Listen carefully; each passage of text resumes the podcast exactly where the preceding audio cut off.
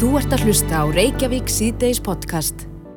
Jæja, nú er klukkan rétt um tíu myndi gengin í fimm og við ætlum aðeins að snú okkur að okkar í lýra, íslenskunni. Jú, rétt er það. Eh, Þeir sem hafa verið að hlusta á útvarpið og fylgjast með á netinu í dag hafa kannski tekið eftir mjög áhugaverðum auðlýsingum frá Blöss, kynlífstakjaverslun, um örfun íslenskrar tungu. Einmitt. Og það er verið að leita eftir íslenskum orðum á kynlífstaki, til dæmis butt plug, Mhm. það er nú auðlýsing sem er uppáhaldi hér í þessum þætti. En þau eru sest hérna hjá okkur Gerður Huld Aran Bjarnadóttir eigandi Blöss og Bræði Valdimar Skúlason orðasmiður og reyndar einna eigundum eh, Brandiburg, velkomin Takk fyrir. Ég get ímyndað mér að þetta ferli sem þið voruð að ofinbera í dag hafi verið hans skemmtilegt svona í undirbúningi Þetta var mjög, mjög hressandi, það er væga sagt ótrúlega skemmtilegt verkefni. Eh, Þetta byrjaði eiginlega á því, sko, þá var, var van, einhver vandraði með hérna, orðið muffa, mm. -hmm. svona rungu muffa, þið fallega orð. Uh, og svona bakarar voru ekki hressir með það, verið verið svona að taka múfunar af þeim. Það var bara að mixa það svo mikið saman. Já, það, það er eiginlega svona kviknaði, kviknaði þetta, þá sagt byrjuðum við nýri vinnu að hérna, finna svona ímis orð á það fyrirbriði og það kom nú nokkur eh, sem sagt inn í e, já, fyrir augu, augu og eiru hérna, hérna fólks í dag, það var til dæmis Rauvarhöfn var, var eitt hérna heitið og Skapalón Mhm.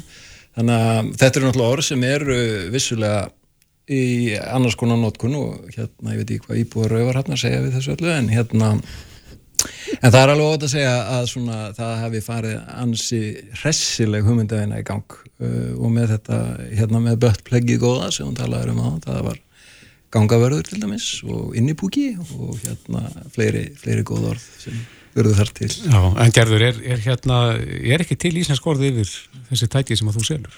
Ég, sko, allavega ekki svona einhver sem er í nótkunn, ekki svo ég muna allavega, en þú veist, auðvitað er til af einhverjum af tækjónum eins og við erum að tala um hérna vibrator, en það er samt í rauninu enska orðið, eða ekki?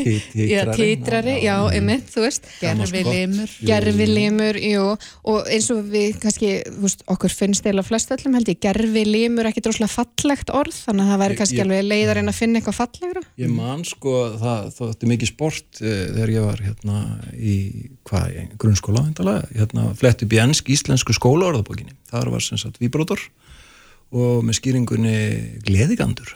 Gleðigandur. Það er þetta frábært orð Já, þannig að það tókst að lauma því strax, strax þar inn sko. Sko, það sem ég hugsaði þegar ég sá þetta í morgun uh, varandi, þú veist, buttplug strap-on, alls konar af, af þessum orðum. Þau eru öll svolítið, svolítið hörð og svolítið svona aggressív og, og var gaman einmitt að finna orð á því sem væru, já, aðeins svona falleri og kannski byði mann meira velkominn svona. Já, svona gyrnilegra. Þú veist, það er svolítið það sem maður er svolítið að leita af og kannski einmitt eins og þú segir, þetta er svona hörð orð og maður á ekki að upplifa eitthvað hart eða sorsuga eða eitthvað svona óþægilegt þegar maður er að tala um eða nota kynlistæki. En það eru búin að koma nokkra skemmtilegar hugmyndir í dag frá sérst fylgjendum á Instagram og Facebook og svo leiðis. Og það er maður til dæmis tala um eins og með muffuna, að það er til dæmis þægindarþrengsl, Þægindaþrings. já, hjálparmær, e, getnaðardós, mér það nú þetta kannski, það er kannski ekki droslega gyrnilegt, staðgengill eða hóluhækja. Hóluhækja, já. Já, já, þetta þú segir bara ég? Er þetta fín orð? Já, vasin hérna var Ha- dálítið- hasarvasi. Hasarvasi, það er náttúrulega gott sko. Já. já, og svo, svo er þetta sko e, það er nú spurningamerki á, á öllu þessu auðlýsigafni að við erum ekkert að leggja til enn til að rétta orðið en, en e, kannski grunnurinn líka er, er, er hérna við eigum að búa til og finna hvort sem það eru orð sem eru til eða hérna eða búa til nýja orð yfir allt. Við eigum að vera alveg óhætt við að, við að, hérna, við að finna bara fyrir bara allar, allar gíma lífsins. Já. og og bara, Ég, já, ég upplifi svolítið eins og íslenskan hafi hægt að þróast þegar við byrjuðum að selja kynlistæki er einhver sem er að tengja þetta, því ég er veist, bara í þessum bransa og ég er inn í hvert einasta skipti sem ég er að taka inn einhverju ný tæki þá er ekki til íslenskt orði verða Já, það, þau vantar að, hérna, það, það er alveg, og þar þarf eitthvað ég sko, hérna fyrir bara ekkit svo mörgum árum og er enn, þá hérna voru eiginlega orðanemdir í bara öllum hérna starfs það var tækni orðanemd og flugorðanemd og bara sveppa orðanemd og ég veit ekki hvað, hvað það vantar náttúrulega bara góða kynlífsorðanemd Við bara Sem sest auðvitað bara- eftir fólki sem er til í það sem sest á Gerður getur 50. Já. kvöldum og, og, og ja, það, þá er ég að segja í alveg, það var bara hérna við vilja virkjar settust bara á 50. kvöldum og bara nú vantar orðið yfir hérna þetta fyrir bara, já, blöndungur kúpling, hérna allt þetta bara, allt ekki, þetta sem við búum að ennþá enn í dag, hönnuður til dæmis það kemur úr einhver flugurðasafni yfir á 1920 Erum við latari við þetta núna í dag? Já, ég myndi segja það ég get samt ímyndað mér að einstaklingur sem að kemur inn í kynlistakjavestun geti haft meira gaman eða byggðum hasarvasa þetta er muffu. Já. Er það ekki? Gerir ferlið kannski skemmtilega og ekki eins vandræðar. Það var eitt svona hasarvasa hjá þér Já. Já. Já, já, Eða eins og hérna kom líka hérna botnblíða, það er til dæmis fyrir böttblögg einmitt eða endalega bakvörðurinn og suðurpóllin komin líka Já, suðurpolli Þannig að það er búið að koma alls konar. Þetta er, en þetta er ógislega gaman og þetta er fyndið og það er líka bara léttir umræðina um allt að það sé skemmtilegt að tala, tala Er búið að vera, bara þannig ég spyrja, er búið að vera fullnægjandi í vinnunni Þetta er búið að síðustu vera dagana? afskaplega fullnægjandi Er það ekki? Já, Já, ég geti trúið að þetta sé búið að vera svona líflegra í, í vinnunni síðustu daga sem allir eru bara að tala um kynlífstæki. Já, já, en þetta er, þetta er það er eitthvað alltaf gaman í vinnunni sko, en hérna, þetta er búið að vera ótrúlega skemmtilegt. En þetta er svona feministmál fyrir marga, Já. kannski minna, uh, það var svona rjáttlega af því kannski síðustu ár og gerður á nú stóran hluti því, en voruð þið ekkert stressuð að þetta geti farið auðvitað ofan í fólk? Ég fekk smá svona í gerkvöldi ég skal alveg viðkenna bara svona, ég held að það sé sem bara alveg eðlilegt og ég held að ég, þú veist, ég lendi eiginlega alltaf í þessu þegar við erum að lánsa einhverjum nýjum herrferðum eða eitthvað slikt, þá hugsa maður svona er eitthvað sem við erum að hérna, missa af eða ekki sjá eða eitthvað sem gæti mögulega farið úrskeiðis? En það er bara, þetta gengið sjúklega vel. Þetta er bara ótrúlega gaman og ég held að því að grunnu, í grunninn er þetta bara jákvætt og skemmtilegt Já, sko. þetta er bara orðaleikur Þú veist, þetta er eitthvað sem fólk hefur gaman af held ég. á þessum degi einhvern veginn að vekja aðtekla því að það vantar það vantar bara hellingu orðum Já, bara fyrir alls konar. Einmitt, og talandi þennan dag, Bragi, þú varst að fá verðlun Já, það, verðlun Jónasar Hallgrímsson Má ekki segja að þú sért okkar tíma Jónas? Uh, ég held að það er svona kannski aðeins hérna, og velilegt en hérna, ég er mikill Jónasamaður og hérna, mikill heiður og mjög ánægilegt að hérna, ganga út af mjög svona virðulegri samkomi og taka við þessum velunum og fara beint í, beint í hérna, múfunar Rassa tappa og múfur. Akkurat. Þetta er mjög áhugaverður dagur fyrir Já, því. en ja, mikill heiður. Og hérna bara eins og ég saði nú í einhverju ávarpið þegar við hefum að hugsa vel um, um tungumálið. Þetta er hérna líkillin að að bara því sem við eh, höfum verið og erum og vonandi verðum áfram En hvað gerist núna með kynlistækin? Ætlið að leggja til að eitthvað fest, einhver, einhverja sem orðin festist í sessi eða er þetta bara svona meira til gamanskert? Allir grunninn sé ekki til gamans Jú. en svo náttúrulega ef það koma einhverja góður hugmyndir Já, orð, orð, náttúrulega góð orð þau bara festast því að við viljum frekar nota íslensku orð og ef það er eitthvað resandi þarna og gott sem passar og þá bara festist það. Við, við ráðum því ekki. Þá uppfærum við orðið á heimasíðin okkar. En það er ekki þannig, það verður allt í hennu komið nýtt. Hvar byrjaði múfan til dæmis? Það er nefnilega mjög góð spurning. Ég nefnilega man ekki eftir því að þetta hafi verið eitthvað svona, ó, ákveðum að þetta sé orðið múfa því þetta kemur ekki frá okkur hjá blöss sko. það var komið löngu áður en ég byrja Þannig að ég einhvern veginn velti fyrir mér hvaðan þetta kemur og af hverju þetta byrjar. Og af því að þetta er líka svo random sko. af Ég- hverju að kalla þetta múfu Ég fæ, svo, Það ég, ég, fæ, engin tenging. ég fæ mikla tengingu, ég veit ekki að hverju í kvikmyndina American Pie, Já, ymmit hvort þetta sé eitthvað tengt sko þeirri böku sem var myndu þar. Já, Mögulega. gæti verið eitthvað slíkt eða þá eins og mörg af þessum svona flashlight eða þessum muffum að það, það er náttúrulega lítur svona pínu út eins og muffins að ofan ég veit ekki, það er kannski eitthvað tenging þessar rauvarhafnir allar. Rauvarhafninnar hérna, Ég vil kalla þetta rauvarhafn Þetta er er bara Ég held að það sé eina leiðin. finna eitthvað nýtt nafn á rauvarhafn hérna, sko, já en, en þetta er bara verðut hérna verkefni fyrir orsjöfi fræðinga framtíðarinnar Mhm. komast að uppruna múfunar Einmitt. Uh, varandi strappon, er eitthvað uh, orðið uppáhaldið ykkur? Já, Þú varst með, já, já dráttabeislið er náttúrulega augljóslega hérna, en það er líka svolítið upptekið, ég veit ekki hvað bílaframlegendur segja við því en, en hérna. Við erum einhvern veginn alltaf að lendi því að þeirra að vera að stela frá einhverjum öðrum. það er slánað Já, en annars var hérna innstunga, mér fannst það líka svolítið skemmtilegt. Svona innstunga eitthvað en já, það, er, já, það eru margi möguleikar í stöðinu. Hjálparkokkur kom líka. Hjálpar kokkur Þetta er magnað. Já, já, bara þetta er skemmtilegt. Eh, Gerður Huld, Ari Bjarnadóttir, eigandi blöss og Bragi Valdemar Skólason, orðasmiður, velunahafi á degi íslenska tungu. Kæra þakki fyrir komuna. Takk fyrir að fá okkur. Þú ert að hlusta á Reykjavík C-Days podcast. Það er með ólíkindum hvað Donald Trump getur haldið sér í fréttum. Það voru náttúrulega daglega Já. fréttir og ofta dag á meðan hann eh, satt í hérna stóli fósetta bandaríkjana. Já, og svo var hann alltaf búin að gefa út að að vera með einhverja svakalega tilkynningu í gær Já, og maður held nú kannski að hann myndi ekki láta verða því með úslit uh, kostningana þarna vestanhafs já. en hann hefur sérstaklega ákveð að bjóða sig að- fram til fórsta bandarækjana eftir tvö ár. Já, og við eigum Hauki Hortni í Bandaríkjunum, eh, Baldur Þóraldsson, stjórnmálafræði professor við Háskóli Íslands, er á línunni og er stattur í Virginia í Bandaríkjunum, nána til ekki Norfolk, komdu sæl. Komið sæl. Já, þú eh, heyrðir þessa tilkynningu Donald Trump í, gær, Eh, það, það var náttúrulega búist við þessu en, en eitthvað sem kom á óvart. Já, sko, það, já það, þetta var aðtryggisvert í gerð. Ég var þetta ferðin í bíl þegar hann var að e, e, halda ræðu Mm og það voru allar eiginlega stöðvar bara með beina útsendingu frá þessu. Vakti mikla aðtegli. Það er engi betur að ná, betur að ná sér í fjölmjöla aðtegli heldur, heldur en Trump. Og hann er rauninni, ég er miklu klókar í stjórnmálamaður heldur en menn vilja vera að láta og hann stígur fram núna og bóða frambóð fyrr heldur en með helstu vegna þess að hann hefur fengið alveg óvænta keppinaut í forvali republik, republikana e, ríkistóra Florida. Ron og DeSantis. ætlar eh, já, Ron DeSantis. Mhm. og eh, nú, þess vegna stígur Trump fram núna.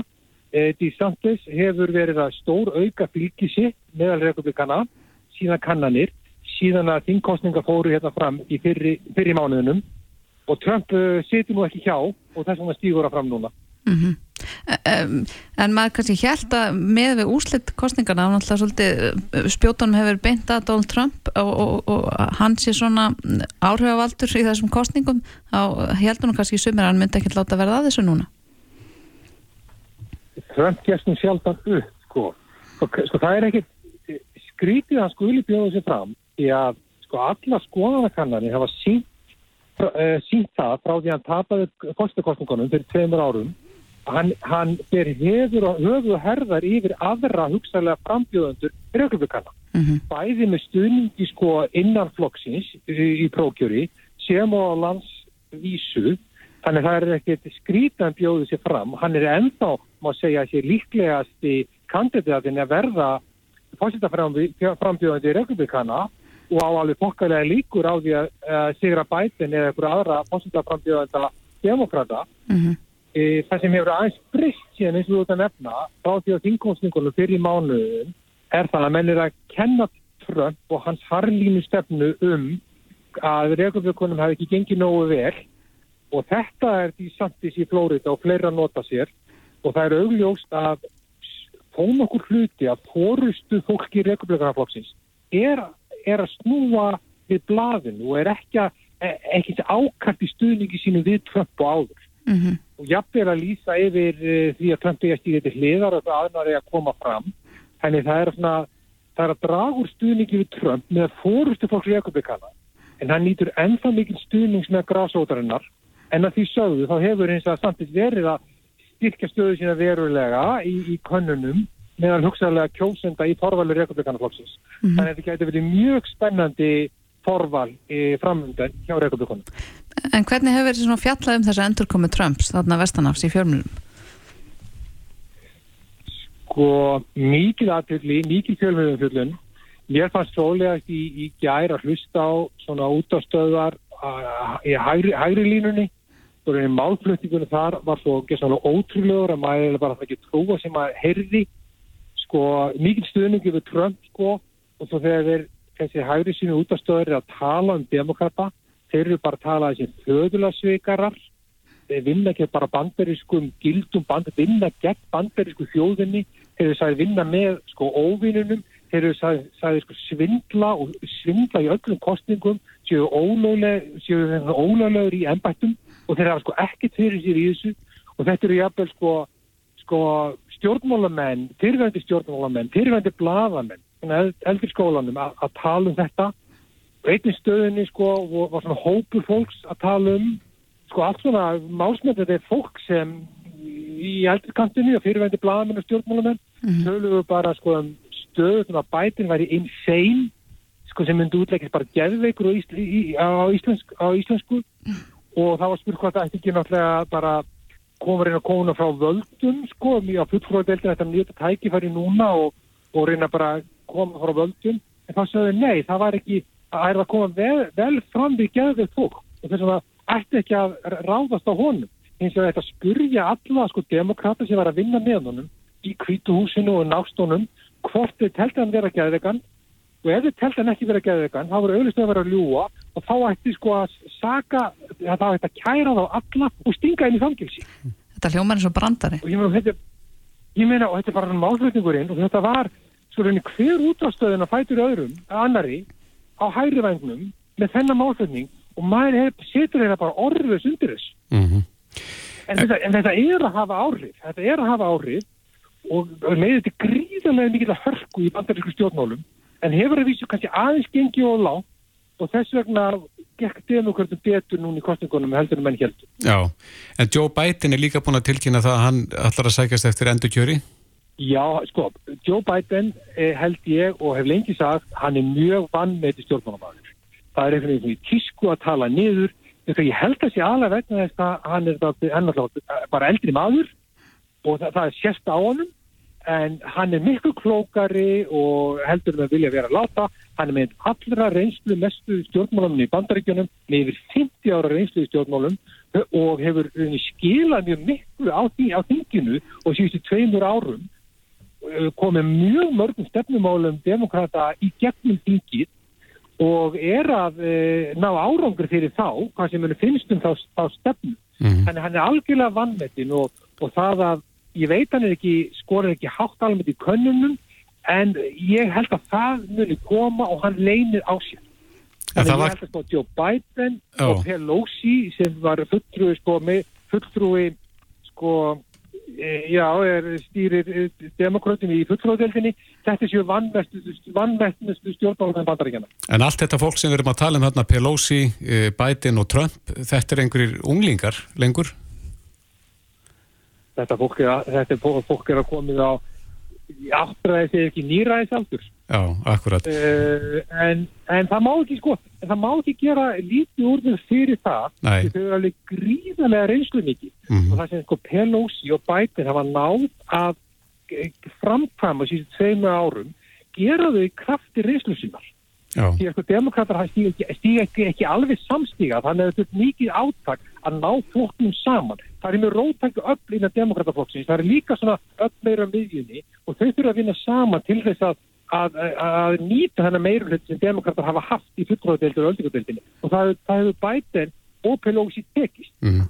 en það er eitt sem að vakti aðtegli í ræðu Trump eh, þegar hann lísti þessu, þessum fyrirætlinu sinum yfir, að hann var svona mildari í sinni ræðu heldur en oft áður. Já, eh, hann er kannski að taka þeim skilabóðum að eh, þessi gríðarlega ha- harða orraða sem ég var að lýsa áðan garddemokratana og, og bara um bara bandarík samfélag eh, hún er að fara í- illa í svona kjósendur á miðjunni. Og þeir eru hrökkluðist frá. Og sko það sýnir sig alveg að það er frambjöðundur sem Trump var að styðja núna í þingkostningunum, þingkostningunum þeir hlutu sko mun minna fylgi heldur þeir frambjöðundur republikana sem Trump stutti ekki sko ég held að kannanir síndu að, við- að stuðni sko þessi Trump stutti bættu við sér um 1% fylgi frá því síðast en aðri sem að stutti ekki republikana bættu við sér umlega 6% Þannig ég held að Trump sé að taka þessum stílabóðum, hann verði aðeins að milda tónin e, til þess að ná inn á miðjuna, en ég held að hann gýris nú allur upp þegar nærtrið á kostningunum og hann tapir sér alveg í ræðistóðunum. Já, hann allan kom, kom með nýtt slagur með Make America Great and Glorious. Já, ég held að, ég held að hann mun nú, það verið hægt að við að missi, missi sig í ræðistólunum eins og hann gerir stundum og, og gefi í sérstaklega þegar menn fara að sækja á hann sko. og þetta ef að, ef að núna ríkistjórn í Flórida, eh, Ron DeSantis býður sér fram gegn honum, þá verður þetta mjög blóðuð átök í mi- milli republikana Mm -hmm. Hann var allan að búast þeim ekki til það spennu. Já, það mun skaða þá báða sko, þetta skada báðin á sama tíma gæti sko slagur með þeirra, hann gæti reyni sko verið, sko, hann gæti sko verið allt um líkjandi í fréttaflutningi um stjórnmál í bandaríkjanum næstu sko átján mánuði Mm -hmm. og það er rauninni gæti að hjálpa reglumleikonum að komast inn í. Já. Hvor er af þeim er líklegri til þess að eh, hljóta útnefningu flokksins? Það er ómögulegt að segja eins og er, sko, eins og vorum fjallum áðan, þá er því samt þess að bæta verulega við sig, sko, Trump er þekktari eh, enn sem komið er, sko, í augnablíkinu er kannski Trump í betri stöðu og líka meðan bara skoðar fylgi sem hann hefur verið að fá, það mun kannski fara dálítið eftir því að hvað mjög leiti fórustu republikanaflokksins leggs gegn Trump. Við erum ekki alveg búin að sjá fyrir endan af því hvað fórustu fólk republikanaflokksins gerir ef það snýst gegn Trump og með því samtist þá mun staða ríkistjórans eh, batna verulega. Einmitt það, við heldum áfram að fylgjast með bandarískum stjórnmálum en eh, Baldur Þóraldsson, professor í stjórnmálafræði við Háskóla Íslands, takk fyrir spjalli í dag og góða skemmtun í bandaríkjunum Takk, takk ykkur, verið bless. Bless. Þetta er Reykjavík C-Days podcast. Við ætlum að hverfa þessin á samfélagsmiðlana sem eru mjög vinsælir. Já. Við eigðum mörg hver miklum tímum eða tíma þar. Já, mörg okkar er alltaf að reyna að vera betra og betri að, að leggja síman frá okkur og vera ekki á samfélagsmiðlum á sem tíma sólarrengsins en það verðist vera erfitt En eh, inn að vísi.is í dag byrtist eh, grein eh, eftir skúla Braga Geirdal eh, hjá fjölmiðla nefnd. Svona er algoritmin á samfélagsmiðlum að skemma mannleg samskiptin. Þetta er áhugaveru titill. Já, sláandi titill og skúli bara ég sestur hérna í hókur, velkomin Takk fyrir það. Hvað meinar með þessu? Hvernig er þessi algoritmi að skemma mannleg samskipti? Já, maður fer að velta fyrir sér hvað er í gangi í umræðinu í samfélaginu. Við sjáum rosa ljót komment, við sjáum ljót eineltismál og ýmislegt í gangi og hvað er það? Eru við bara svona óbúslega vond eða er eitthvað sem er að íta undir þetta? Og þegar maður fer að skoða tæknina sem liggur að baki inn á samfélagsmiðlunum, þá kemst maður að því að þar eru ýmsir kvatar sem liggja baki sem að íta undir já, skadaleg samskipti og neikvæð samskipti. Og það er alltaf það sem ég er að benda á í greinni. Hvernig virkar það? Sko, bara svona í praxis getur þú útskipt fyrir okkur hvernig þetta er að stjórna okkur svona? Já, sko, efni í rauninni, það er sumt efni sem er bannað inn á samfélagsmiðlum. Það er bara búið að draga línu, þetta efni má ekki vera hérna inni. Það getur verið klám og gróft ofbeldi og, og annað slíkt. Eh, síðan er það þannig að þegar efni nálgast þessa línu að verða bannað á þess að fara yfir hana, þegar eitthvað er augrandi án þess að vera klám, þegar eitthvað er ofbeldi en ekki nógu gróft til þess að vera bannað, þá fær það meiri viðbröð. Það er bara svona náttúrulega eru viðbröðin okkar þannig að, að verða meiri viðbröð við því. Jafnvel þóttu okkur finnst þetta ekkit frábært efni og okkur líði illa með að skoða það, þá allt efni sem vekur okkur sterk tilfinningarleg viðbröð, það fær meiri viðbröð frá svona samfélaginu inn á samfélagsmiðlunum. Sem þýðir að samfélagsmiðlarnir þeir vilja náttúrulega halda okkur þarna inni þannig að þeir vilja íta undir efni sem að vekur meiri viðbröð þannig að þegar þetta efni vekur mikil viðbröð þá íta þeir frekar undir þetta skadalega efni sem þýðir að þeir beina því frekar að okkur og stula þar með að því að umræðan er eins og hún er Sumir hafa lengi haldið fram að neikvæð umfjöllun er betur en engin umfjöllun. Er þe- þetta svolítið rýmar við það? Já, og eh, kannski svo sjáum við líka bara eins og í bara samtalin okkar í dag eh, og við sjáum þetta bara í, í pólitík. Eh, ég þarf að taka þetta alltaf afdráttar lausa ákvörðun. Við erum inn á samfélagsmiðlunum alltaf fjarlægast, það að geta tekið eitthvað samtal í miðjunni. Ég þarf að taka afdráttarlausa ákvörðun með stórum orðum og ef ég bæti við hana helst svona, já, jafnvel blótsyrðum eða tekt allt í svona, já, djúft í árin, þá fæ ég meiri viðbröð og þannig fæ ég meiri aðtikli og við erum aldrei að sækja í meiri aðtiklin á samfélagsmiðlum. Mm, vegna er umræðan einmitt eins og segir, hún er oft svolítið svona polariserandi, það er ert með á móti og það ekki þar á milli. Það er algjörlega þannig sem að ymmit, þessi algoritmi, hann, hann ítur okkur út í að vera við að móti hinum. Og svo festust við í sikkuru hotninu í okkar bergmálshelli með þar upplýsingar sem við höfum við hættum að hlusta á hinarliðina og förum meira sér reyna að kveikja undir þeim og, og reyna að draga úr því sem þau eru að segja. Það er alltaf þessi svona skautunni að polarisering sem á sér stað. En viljum við þetta? Er að segja, Við sækjumst í þetta. Er eitthvað hægt að spórna við þessu? Til þess að bæta samskiptin? Sko, svona mótel, það ítur undir það að við eðum meiri tímin á samfélagsmiðlum og þannig geta samfélagsmiðlarnir greitt meiri pening. Ég trúi því ekki að við viljum þetta. Uh, okkar samskipti, ef við myndum fá að ráða, þá myndum við ekki vilja það að efni sem er næstum því bannað, sem er það skadalegt að það fyrir næstu yfir línuna sem er búið að draga. Mm. við myndum frekar vilja að viðbröðun þeim myndum draga úr þeim þegar að nálgast þessa línu. Og við sjáum algoritma nota hann og góðan hátt víða, þannig er algoritmi sem er áhrif á umræðin í samfélaginu samskipti, börnin okkur ólingana líðræðislega umræðu. Og við höfum enga varnagla Mm -hmm. þeir halda þessu fyrir sig, þetta er leini ráefnið í gróðamaskinunni eru algoritmannir og þeir vil ekki að við vitum hvernig þið virka. En við hljóttum samt að geta valið þetta svolítið sjálf og ef ég bara horfa mitt eigið Facebook, það er nekkit sérstaklega spennandi, veist, það er verið að deila myndum af einhverjum krökkum og maður er að læka það og svo er einhver að gifta sig og maður er að læka það. Ég fæ aldrei neitt eitthvað augrand inn á mína miðla.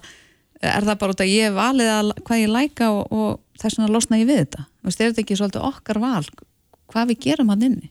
Jú, þetta er þetta svolítið okkar var líka og þetta er svona kannski meira líka til þess að höfða til okkar sem erum að sjá þetta skæðilega efnið henni inni og sem erum að taka þátt í þessu samtali á þennan hátt að e, taka þessi, þessi ljótu orð og bæta þeim í kommentin okkar að við þurfum ekkert að gera þetta.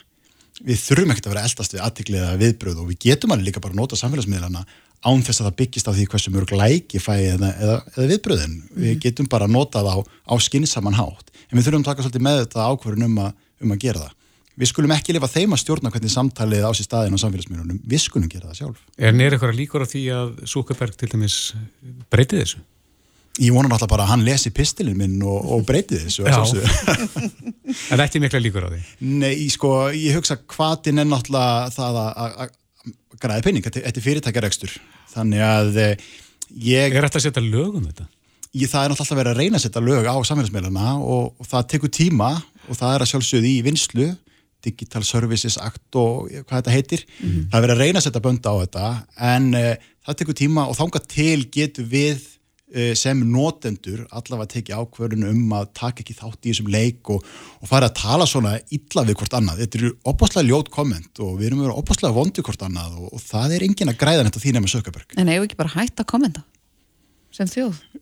Tala bara saman, taka upp síman og ringja Já, sko, samfélagsmiðlar geta alveg verið ágættis vettungur til þess að eiga samtal og til að eiga bara samtal um það sem er að gerast í e, líðræðislega umræða og slíkt, þannig að við, við eigum alveg ekki að tala saman eins og fólk en þannig er við ekki að gera það, við erum að skíla okkur á bakvið skjáinn og, og leifum okkur alls konar viðbjóð, mm -hmm. þannig að ég ætla nú ekki að kvittil þess að við hættum að tala saman en, en tölum saman eins og fólk ekki eins og einhver algoritmi. Ég hitt ekki marga sem að taka undir það að, að aðtóðasendakerfi netfréttamilana bæti ykkur við umræðina. Nei, það er alveg, alveg punktu líka um, ég svo sem er á því að við, við eigum svo sem, það er, það er tjáningafrelsi og, og við erum að geta tjáð okkur um, um hluti tjáningafrelsi er undir skorðum settar og það er til dæmis þessi bannlína sem ég talaði um, þetta, þetta hatursorraða og við erum ofta gjald, gjaldfella það líka með að kalla hluti sem við sjáum inn á samfélagsmiðlum hatur á þess að þið séu hatur. Hatursorraða er e, miklu sterkara hugtak.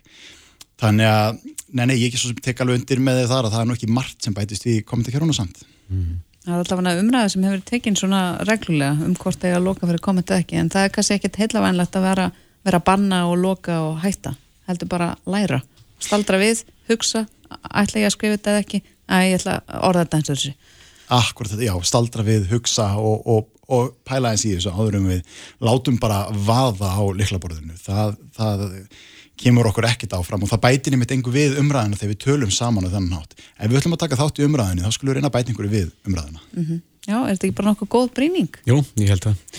Skúli Bræði Geirdal, verkefnastjóri miðlalæsis hjá fjölmiðla nefnd. Kæra þakki fyrir komina. Takk alveg fyrir mig. Þetta er Reykjavík C-Days podcast. Já, það er klukkunan hálf sex og við ætlum að vinda okkur yfir í þjóðaröryggismálinn. Þau e, náttúrulega er í brennundepli og hafa verið sen í vor mm -hmm. eftir að rúsar riðist inn í Ukrænu. Já, þessi innráð sem við vakið fólk að værum blundi, má segja. Heldur betur og marga þjóðan alltaf fann að endurhugsa sínar varnir. Já, Jóhann Freyrík Freyríksson, þingmaður Fransvonarflokksins, eh, tók þátt, eða var málshefjandi á þingi í dag, þar sem hann vildi ræða fjöldþátt áknir og netöryggismál við fásættis á þeirra og Jóhann Freyrík er komin, velkomin. Takk fyrir. Já, fjölþáttaóknir, þetta er nú kannski orð sem fólk heyrir ekki á hverjum degi en þetta sem sagt allar þar óknir sem stæði okkur sem eru kannski ekki eh, sem hefðbundna vopna stíl eða hvað Já, maður heila að segja sko að sko hugtæki fjölþáttaóknir eins og það er skilgjönd, þetta er hansi svona viðfemt en þarna er umverulega verið að, að blanda saman aðferðum til þess að hafa óæskileg áhrif á, á ríki hópa og stopnarnir og uh, það byrtingar myndin eru þetta eitthvað sem við sko kannski þekkjum en uh, sko á undarförtum árum hefur aukin áhersla verið lögð á það að uh, sko lifta þessum þáttum upp í öryggismálum ríkja. Mm -hmm. og þarna kannski það er svona vel að blanda saman allskins aðferðum. Og það má eiginlega segja að þetta séu leiðir til þess að hafa skadalega áhrif. Án þess kannski beita hinnum hefðbundna hernaði sem við til dæmis sjáum að, að hérna á sér staði í Úgrænu en eins og við munum kannski áður en að það ræðilega stríð byrjaði þá var verið að ráðast á uh, netinviði í löndum og við þekkjum svona þetta, þessa þætti sem snúa að falsfréttum allskyns í hlutunum í, í það að reyna að hafa áhrif, óæskilega áhrif á skoðinni fólks mm -hmm. og þetta fellur allt undir fjölþótta ógnir. En hvernig er Ísland um, undirbúið fyrir svona fjárþáttóknir og, og, og netárásir og, og þarfram til guðunum? Er, er við með einhverja áallun? Já, sko, það er ný, nýlega búið að gera sko netörgis áallun og það er verið að vinna að verkefnum sem að henni snúa. En þetta er fjöldþættari heldur en bara netið. Þetta er líka svona þætti sem að snúa því að upplýsa til að mynda almenning til þess að geta greint uh, ákveðna þætti á internetinu uh, falsfrettir og svo framvegs mm -hmm.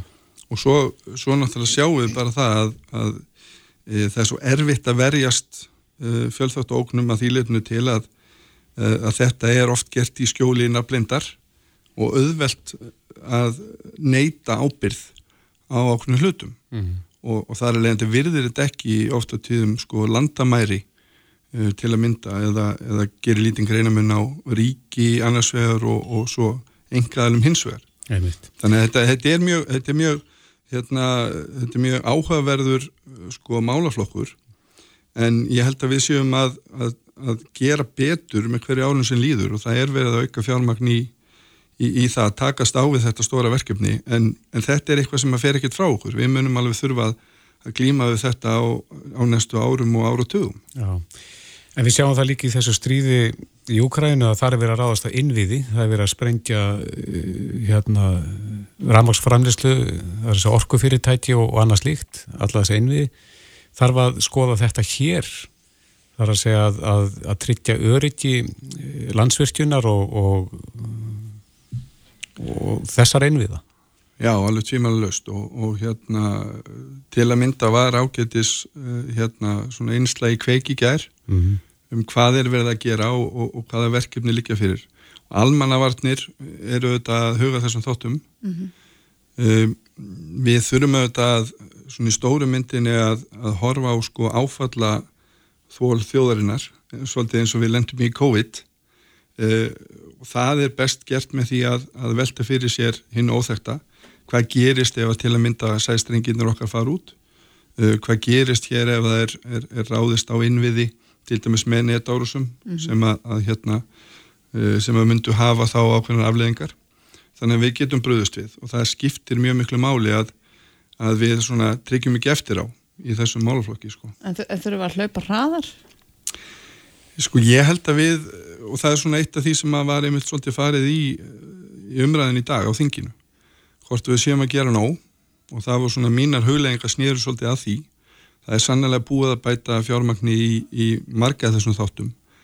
En uh, sko öryggisumhverfið er líka svolítið breytt. Við vitum það. Og við sjáum það bara á stríðin í Úkrænu og það er auðvitað ágefni og það getur vel verið að við þurfum að bæta en meira í. Mm -hmm. Því nefndi hérna rafmagna á hvernig eru virkjanir til dæmis? Er, ykkur, er hugsað út í það að að tryggja öryggi þeirra?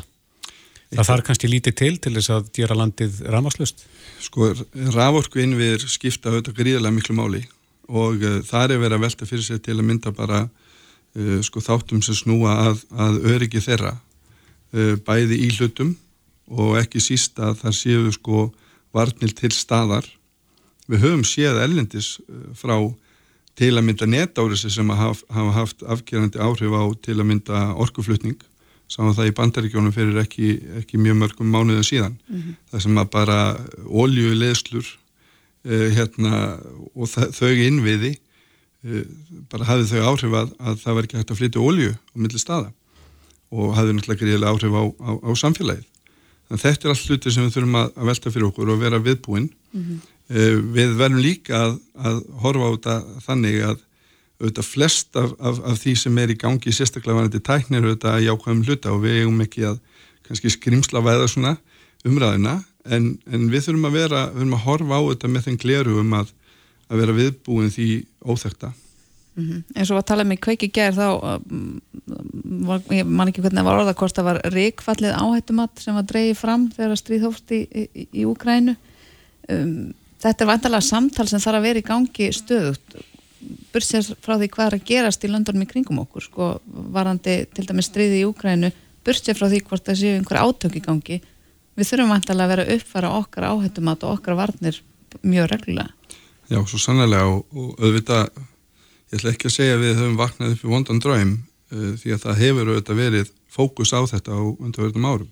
Sem að gerist aftur á móti þegar örgis jafnvægin er ógnað að við sjáum til að mynda au, aukna tíðni í netálusa hér á landi, bara sem dæmi. Við sáum það uh, til að mynda bara með heimasíðu fréttaplassins sem dæmi. Það sem að lítur út fyrir að einhverju óvinnveitir aðilar hafi ekki sætt sér við einhver ákveðna umræðu í líraði samfélagi og, og þar að leiðandi að það minnst okkvæmst var tengt saman þannig að í vestafalli getum við auðvitað að upplifa það að það er verið að reyna að grafa undan grunngildum samfélagsins og, og það eru auðvitað eitthvað sem við verðum að vera á varbyggi fyrir líka sko. Heyrðist þér á umræðin í dag á þingi að, að þetta væri góða horfi? Ég held að það hefur verið allir sammálum það í umræðinni að við getum gert betur Já. og uh, fórsættis á þeirra meðal annars nefndi það að við værum á vegferð í, í þessum málaflokki og uh, ég held að þurfa allir að taka það til sín uh, bæði stjórnmálumenn en ekki síst bara samfélagið. Þurfum að vera vakandi fyrir þessum þáttum mm -hmm. vegna þess að besta vörninn í mjög mörgum tilfellum eru þetta bara vel upplýstur almenningur. Þannig að á skalan 0-10 eru við svona 7?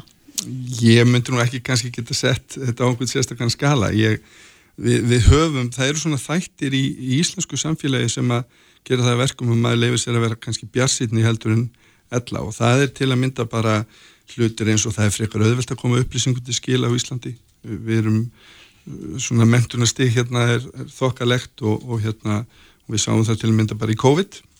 Og þetta er allt þættir sem að íta undir það að það sé kannski auðveltara fyrir okkur að takast á við þessi verkefni.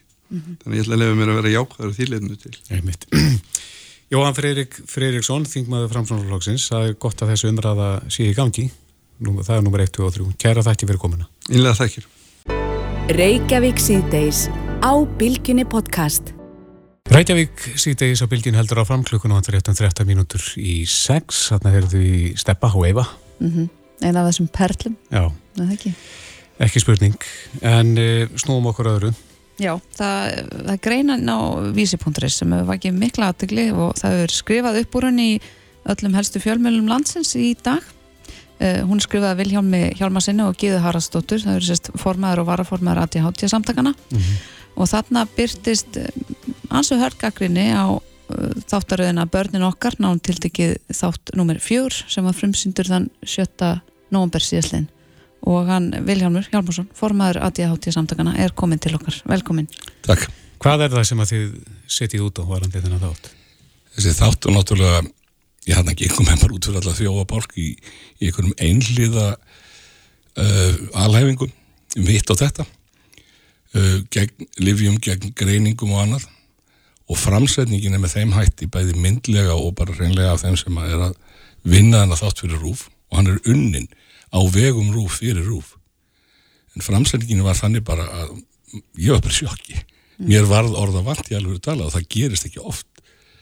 Vegna að þætturum eru þarna fullirðingar frá fólki sem er ekki er ekki fagmentun í sko þeirra aðalega sem að framkama greiningar eða, eða vita eitthvað um líðamál sem slíkir þetta eru aðalega sem að hafa jú vissulega einhverja svona þekkingu eða skoðun en aðalega skoðun. Og þetta er sett fram með, með alls konar orðbræði eins og hérna ofirkninglif eins og lifin hérna ekki að gera eh, virki bara á, á líkamlega ofirkni sem er bara algjör miskilningur mm -hmm. uh, ein einn viðmælandi talar um reynd mataræði. Ég veit ekki hvað að meina þar. Svo bara laga þetta með reynu mataræði og reyfingu endilega Sérst laga ADHD með reynu Já, ADHD og öll önnur svona mál alla flóruna sem við viljum hafa ADHD einhverfu hvað annað sem að, sem að tilfellur mm -hmm. En hvernig mynd finnst þér þá verið að dreyin upp af þeim börnum sem að eru greint eða leiði greiningu við ADHD. Hvernig... Þarna er ég með talið um það að ég ekki að stimpla börn eða setja þau í ykkur að kassa á svona. Það er nákvæmlega verið að gera það og bæði almenningur og börnum sjálf sem að, sem að heyra þetta þeim munum finnast það að þau séu, séu að tala niður til þeirra setja þau í kassa á annað mm -hmm. þess að þarna er reynilega verið að hérna, smætta þetta niður í ykkur mjög skrítna mynd og, og svo bara hvernig þetta er framsett bæði myndli og annað ég hef ekki séð svona heimildatháttarvinu í íslensku sjónvarpi lengi, maður sér þetta af og til frá bandaríkjónum mm. En telur þetta geti haft skadalega áhrif á umræðinu um ADHD? Við náttúrulega fengum strax að heyra ímislegt en viðbröðin í dag eftir að þetta byrstist eru ennþá meiri í, ákveða átt. Þess vegna erum við að tala um þetta. Mm. vegna þess að þetta þetta er orðræða sem við eigum að breyta. Við erum búin að ATH samtökin hafa verið að gera það hægt og rólega og höldu því áfram. Vegna þess að svona orðræða hún byggir bara á vannþekkingu þetta eru fordómar, þetta byggja á vannþekkingu og að, að slengja svona fram og þara ekki í því formi sem þetta var gert elur bara á frekari fordómum mm -hmm. En varandi það sem er kallað áverknislif mm -hmm. og þá ADHD-lif um, sko hvernig myndir dreyin upp á þeim út að allavega þegar ég horfa þannig þátt þá fæ ég þau skilabóð að liv séu óþörf Já Eru þau óþörf segir og uh, þau, þau séu það séu verið að hérna, slæfa viðkomandi sem er barnið eða, eða fullóðin mm -hmm. en sko þá er ekki við um öll liv en hvað hátti varðar þá er verið að tryggja það að ákveðnar heilastöðar virki eðlilega. Það er ekki verið að slæfa þig það er ekki verið að íta þér upp eða neitt svolítið og hérna tala svona um lifin þýðir bara að þetta fólk veit ekki hvernig þau virka. Um, liv eru náttúrulega ein leið til að takast á þetta. Það er svo leið sem við þekkjum og sem við virka langt best. Helst náttúrulega með öðrum hlutum góða struktúr, utalum haldi. Um, og náttúrulega góður næringu en, hvað reyn næringa er matur, ég veit ekki hvað það var. En hérna með því gera það miklu betra það, það er ekkert sem kemst með tætnar nálagt hælanum þar sem að lífi nýra það og sko hvað þau eru að gera það er alltaf verið að tala um þetta eins og sé að vera að deyfa fólk að vera að dempa það niður. En sko bara tökum íkt dæmi vennilegur heili er svona eins og, og jólatremi hérna seríu sem bara er þarna fallið og lýsir þú tekur íkt að dæmi sem er manneskja í, í miklu oflæti í hérna, maníukasti þá eru svona langflesta perurna sko blikkað út á sviður og ekki takt og alveg von eitthvað aðra og, og svo dettur allt út og inn aftur. Að í hátíheilin það eru svona nokkri staðir þar sem að perurnar eru kannski svona flökta, ekki blikka sloknar á þeim, aðeins. Stundum er það alveg eins og hinnar og það sem að lifin gera það er bara það svo jafnar ramagnið, þannig að það er fá bara að loga, bara virka eins og það er eiga virka þess vegna e, þó að þessi svimlif séu byggja á einhverju hérna örfand efni, þess vegna verður maður rólegur vegna þess að maður þarf ekki reyfi ofringna til þess að búa til dopamín vegna þess að maður fær alltaf í tækifæri til að nota þetta dopamín sem maður þarf þetta er sérst heila bóðskipta efni mm -hmm. og tala öðruvísum um þetta og eins og þetta sé eitthvað órannsaka þetta er þó nokkuð vel þekkt og það sé ekki vita nákvæmlega þá er nokkuð vel vita hvað lifin er að gera og hversum þau virka en ekki kannski alveg út í, út í hörgul mm -hmm. það er líka vitað að langtíma nótkunn til dæmis hjá bönnum og unglugum er, það er ekki mikil hægt að það séu stór vandamál gangi. Það er miklu fleiri vandamál sem þetta leysir. Og hérna og jafnvel að heila þróski vegna þess að þetta snýst um sem sagt uh, röskun á þró, þróska í heilastöðunum að börn sem fá þessi lif því fyrr og því lengur fram að svona 20-25 ára aldri þeirra heilaþróski bara verður nær norminu. Hefur hvað er það hirti, verið að segja þegar menn tala svona? Þeir eru bara að segja, bara ruggla hefur hirti þeim sem að, sérfræðingum sem að er að starfa með ADHD eftir síningu þessa þáttar?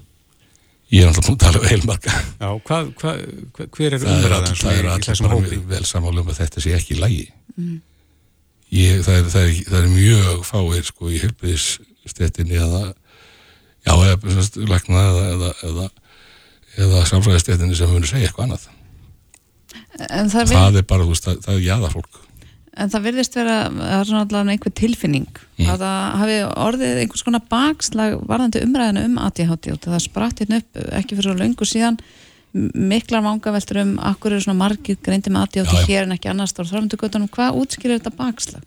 Akkur eru við komin í þessu umræðu varðandi fordóma? Já, var nú sagt við í morgun sko, hvað gerir maður þegar einhver á alþingi segir sko akkur þurfum við svo mikið að lifjum, ekki bara ADHD og hérna málið er bara einfalda það að við þurfum að rannsaka þetta betur og ég get svona ekki sagt hverju ég var að tala við í morgun en það tengir stjórnsvíslu og stefnan er að skoða þetta betur. Við vitum ekkit almennilega um tíðni ADHD hvorki hér niður annar staðar í Evrópu. Jafnvel ekki almennilega í bandarækjum þó að þessi hvað lengur komnar en við. Það vantar þetta.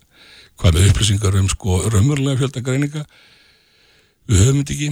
Uh, það er ímislegt varðan þessar lífjatölu sem að bara við vitum ekki nóg um. Það er að segja er þetta aukning, er þetta fleiri eldri einstaklingar að fá erlega þá stærri skamta eru margir að prófa þetta einu sinni eða einn mánuð og snetta þessu ekki aftur. Við vitum það ekki. Þannig að fullir það svona út úr þessu. Og sama tíma um, um, það verður enn viðurkjör á með þess að í nýjum klínisku leifinningum frá landlækni er bara viðurkjönd að þetta er og tekið fram að þetta eru líf sem hjálpa mörgum getur talist lífsnausunlega allavega eitthvað tíma. Og hérna verður að reyna að tala um þetta í ákvæða máta og í staðin fyrir að hérna dempa því á, fóreldra og, og, og, og skólakerfi og annað að þetta sé allt sko ómögulegt umhverfi og uppeldi og annað. Ég ætla bara að vitna aftur í þetta sé óútkomnar þessar nýju klínisku leiðmenningar en það er tekið fram að ef að batni greint þá er æskilegt að fóreldrunum sé veitt fræðsla og stöðningur til þess að þau viti hvað er að tala um. En eins og ég sagði þetta á, þá hefur þessi greinfarið ansi við, það hefur fengið einhver viðbröð frá uh, ríkisónbyrnu. ekki ekki sjónabri en við erum náttúrulega byrjum að fá fullt bæði ég og, og skrifstöður annars þar fullt af bara stöðningsyfirlýsingum ekki neikvægt ég hef ekki séð neitt tala gegn þessu Nei. Vilhelmur Hjalmarsson, formaður ADHD samtakana, það er að lesa þannig pistil þinn inn á vísi.is til að sem betur þessu undir skoðun. Kæra þætti verið komina. Takk Hlustaðu hvena sem er á Reykjavík C-Days podcast. Þannig Káká, Það er algjörlega frábær. þjóða gerðsynni. Hætt þessu væli, segir hann. En uh, það er mikið vælt og kannski skiljanlega yfir uh, markaðsetningu kringlunar þessa dagana.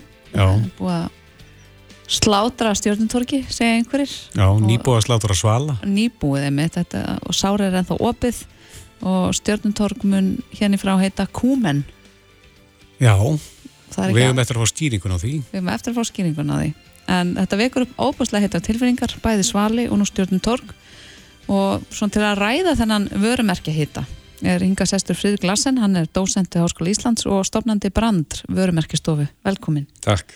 Eh, Mér langar svolítið bara að byrja að lesa aðeins upp af aðtjóðsemdum sem hafa borist varðandi fréttina um kúmen. Mm Til dæmis er hér talað um að kúmen sé slappasta rebranding allra tíma og svo er hér annað frá reyndar varaþingmanni. Eh, mjög undarleg forgangsröðun að þingmenn sé að ræða vanhæfni ríkistjórnarinnar varðandi í L-sjóð og Íslandsbanka en ekki siðrofið að nafnin á stjórnutorki sé breytt í kúmen. Þetta er svolítið stór orð, sko, siðrof. Hvað veldur þessu? Akkur erum við svona reyði yfir þessu? Já, við erum misreið. Komum, ég las ykkur staðar að, að nafnin kemur til að því að það er ká eins og í kringlunni og það er krydd eins og þetta matur og eitthvað svona. Mér finnst þetta alls ekki afleitt. En ég er bara eitt maður með eina skoðun og, en á, við, við verðum reið þegar að vörumerki skiptu nafni eða hætta að því við eigum í rauninu vörumerkin. Við erum, þau búa í okkar huga og hérna, við höfum bara heilmikið um það að segja og okkur finnst ekki eitthvað fyrirtækjum í bæ getur bara ráðskast með það sem er okkar eigna að einhverju leiti og þannig að ég skil alveg að fólk reyðist og sé að hissa eins og eitthvað sem er svona orðið ja, bæði, bæði þessi, þessi hluti sem þið nefnið, Stjórnundorg og Svali Svali er orðið svona hérna, samheiti fyrir vöruflokk sem eru svona svona drikkir í fernum. Og sem slíkt er það ofslega stert þess að maður talar um að googla að því Google er sterkasta brandið í leitavélum. Þannig að uh, manni finnst þetta að magna það sé verið að leggja það niður og sem er stjórnundorg að þetta er svona sameiti fyrir eitthvað eins og þú varst að nefna hérna áðan eitthvað svona sameiti fyrir svona staði. Þannig að manni finnst það skrítið en hérna svo veit maður ekki alltaf viðskiptalegu fórsættunar á bakvið, maður veit ekki mælingarnar eða hvernig þetta er að afhverju þetta er gert. Er þetta verð með þetta svona vörumerki? Já, það er hægt, en það er svona frekar flókið Já. að verðmæta, sérst, það er hægt en endalegt verðmætt er bara þegar ykkur er tilbúin að kaupa það. Mhm. en eins og með svala, segjum það hérna nú skilst mér að það er ekki að selja það heldur bara að leggja það niður. Já, fórstunni segja það við okkur hér um daginn. Já, án efa er einhver sem vil borga háar upphæðir Mhm. bara til að geta nota nafnið áfram af því að þegar við erum að marka setja og koma vörumerki með framfæri að þá er svo dýrt að búa til vitund fyrir ykkur sem, það sem ekkert er fyrir. Mhm. þannig að ef það er til hólf í kollinum okkur sem heitir svali fyrir, þá er það mjög verðmætt En þú talar um að sko við eigum vörumerkina einhverju leiti, þetta sé kannski svona 50-50 ef við má sletta á já. íslenskra tungu, afsaki. Um, ættu við þá að vera meira með í ráðum? Þarf að taka tillit til almennings og jáfnvel gefa okkur smá tíma til þess að venjast? Já, þetta er góð spurning. Svarið er við eigum að vera með í ráðum. Þetta á sem svona rýbrand eða endurmörkun eða þess að vera að skipta um að það er ekki eitthvað sem á að vinnast bara í ykkur svona hugaflugi hjá einu okkur stofu. Það á að vera svona stefnumótandi ákvörðun og sem er tekin út af einhverjum fórsöndum sem liggja fyrir og í þessum fórsöndum þá þurfum við að skoða vilja neytenda. Hvað vilji við? Er algengt að það séu gerða kannanir á því áður en að fólk hver í, eða fyrirtæki færi svona uh, rebranding, þannig ég sletti aftur á Já, því íslenska tungu Já, En, endurmörkun. Endurmörk, já, þetta er, þetta er, þetta er halgjörðu bastardur þetta, þetta orð, branding Já. en hérna, já, það er ekki nú algengt og það er algengar að það sé að hérna, ef ekki krakkar ekki að skiptu merki og svo er farið í það eða skiptu nafn, svo, nú farið ég í stílinn. En sko ef við ætlum að hafa okkur mjög faglega í þessu, þá erum við að rannsaka þess við erum aðeins að skoða fyrirfram veist, hvað ári kemur þetta til með að hafa og, en þegar upp í staðið erum við ekki að þessu út af tilfinningulegum fórsöndu, við erum að þessu til þess að hámarka artir hluta og þeirra sem eiga fyrirtækin og búið til uh, arðsamt fyrirtæki. Og það snýst um það ekki hvað hérna, einhverjum út í bæ hvað, hvað honum finnst eða hvað honum finnst ljótt eða, eða astnalegt sko. en, og við erum snögg að fara þangað og snögg að fara upp og snögg að reyðast og, en svo eru líka snögg niður eins og dæmi sína En sko segjum sem svo að, að almenningur sé ekki hafið með í ráðum ef tökum bara til dæmis stjórnutork, Já. breytir nafnin í kúmen og það verður eitthvað uppþótt á samfélagsmiðlum Já. er það slæm hugmynd bara svona markarsvæðilega fyrir fyrirtæki að segja, ah, herðu, nei, hættum við þetta förum bara aftur í stjórnutork Hefur það gerst? Já, hann er góð spurning Já, ég er nú bara, kemur löng þögn hjá mér við þessu, hvað, hvernig ég á að svara þessu? Já, sko ef við erum að gera mistök þá er að horfast við þau og bakka.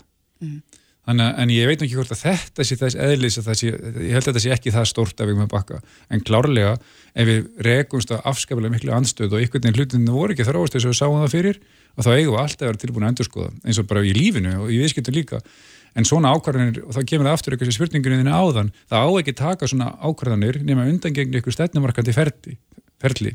Þetta á ekki að taka þetta bara því að hérna, okkur finnst eða við höldum að það sé gott, við eigum að vita það svona eins og hægt er að vita Er eitthvað þekkt dæmi um það að fyrirtækjum hafi mistekist, hafi bara farið halloka eftir að hafa breytt um vörumerki?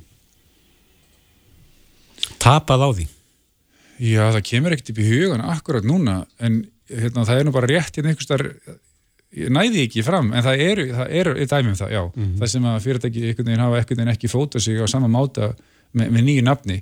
En ef við tölum um nafnið nafnið er kannski ekki aðalatriði það skiptir raunin ekki máli hvert nafnið er, segja sumir, heldur bara hvaða tengingum er hlaðið inn í nafnið hvort það sé sérnafn eða lýsandi nafn eða kúmin eða stjórnuntorg það er hvernig við vinnum með það inn í framtíðina og hjálp fólki að skilja hvað kúmin stendur fyrir, stjórnuntorg stendur fyrir. Og nú er þetta ákveðin breytingan inni. Þetta er ekki sama stjórnuntorgi sem við erum búin að þekkja í 30 ár heldur er þetta eitthvað annað svona, eitthvað hugmyndafræði eða koncept, svo ég sletti líka. Kannski á það við að skipta um nafn, kannski ekki, ég bara þekki það ekki þessu tilviki. Nei, Eh, einhver saði hérna áðan að þetta væri ábærslega vondir dagar fyrir sko börn nýjunda áratugurins og það er svolítið verið að ráðast á þennan hóp Já, mér finnst þetta frábælega sagt. Að- að Þetta er bara, en þetta útskýrir þetta til, miklu, miklu tilfinningu sem við höfum til í vörmerkja. En, en við hefum ekki glemað því að þau, sérst, það er eitthvað svona tilfinningatætti sem þau að ná yfir, en líka eitthvað svona meira svona mm, rökarina þætti. Þannig að þetta er eitthvað svona samblanda þessu tvennu sem við erum alltaf að búa til þegar við erum búið til vörmerki.